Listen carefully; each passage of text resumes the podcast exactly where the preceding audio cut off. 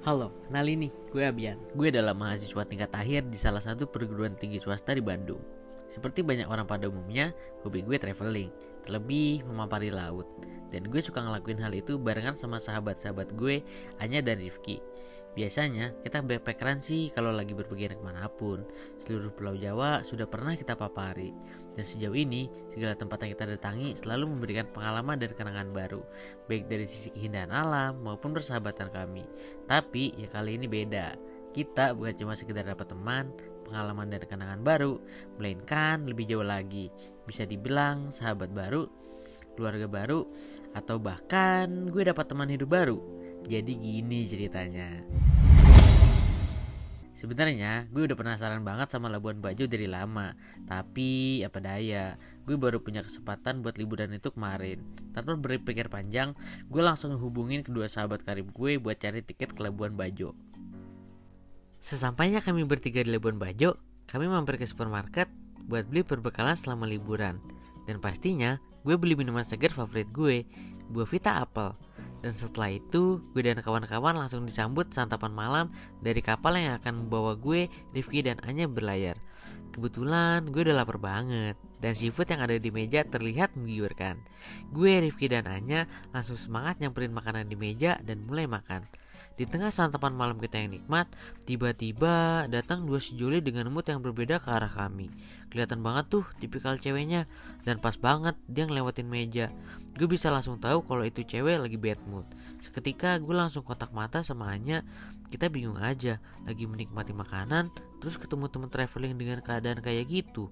Gue sempat mikir, apa salah gue sama teman-teman gue? Tapi kan kita baru ketemu. Cuma ya udahlah, mungkin dia capek di perjalanan.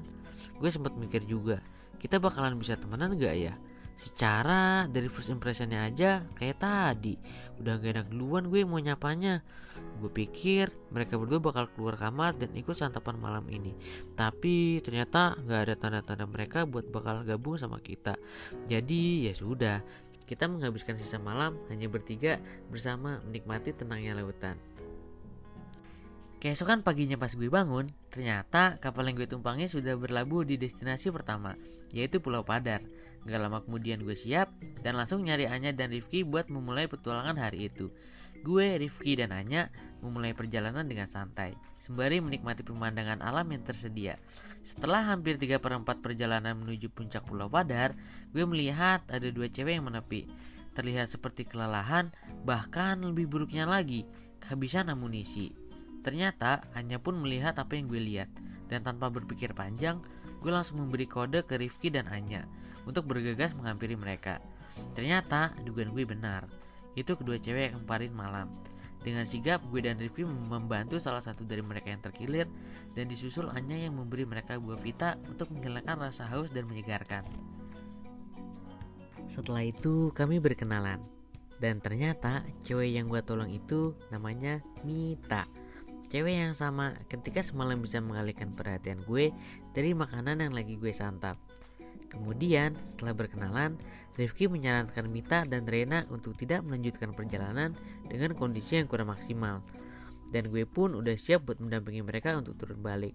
Tetapi mereka rasa percuma saja sudah sampai sini jika tidak naik ke puncak. Mereka pun bersikeras ingin berusaha sampai ke puncak. Setelah menimbang segala risiko, akhirnya gue dan yang lain sepakat untuk naik ke puncak Pulau Padar. Perjalanan menuju puncak terasa lebih menyenangkan ketika diiringi oleh obrolan. Setibanya di puncak, kami mengambil beberapa foto dan istirahat sejenak sebelum kembali ke kapal. Suasana kapal menjadi lebih hangat ketika kami semua berkumpul, bercengkrama, dan menghabiskan waktu bersama. Hari demi hari, gue merasa semakin nyaman ada di pertemanan ini. Pertemuan kami berlima menjadi salah satu hal baru yang gue syukuri adanya. Terlebih lagi saat gue mulai tertarik sama Mita. Apa pun yang dia lakuin itu membuat gue penasaran. Segala hal yang dia lakuin membuat gue gak pengen ngalihin pandangan dari dia. Bahkan sesederhana cara dia mengikat rambut, secara gak sadar gue mulai merhatiin setiap gerak-gerik dia, cara dia berbicara, dan cara matanya ikut tersenyum ketika dia melengkungkan bibir. Pokoknya gue gak tahu kenapa sejak pertama kali gue ketemu Mita, gue serasa dialihkan dari dunia gue yang asli.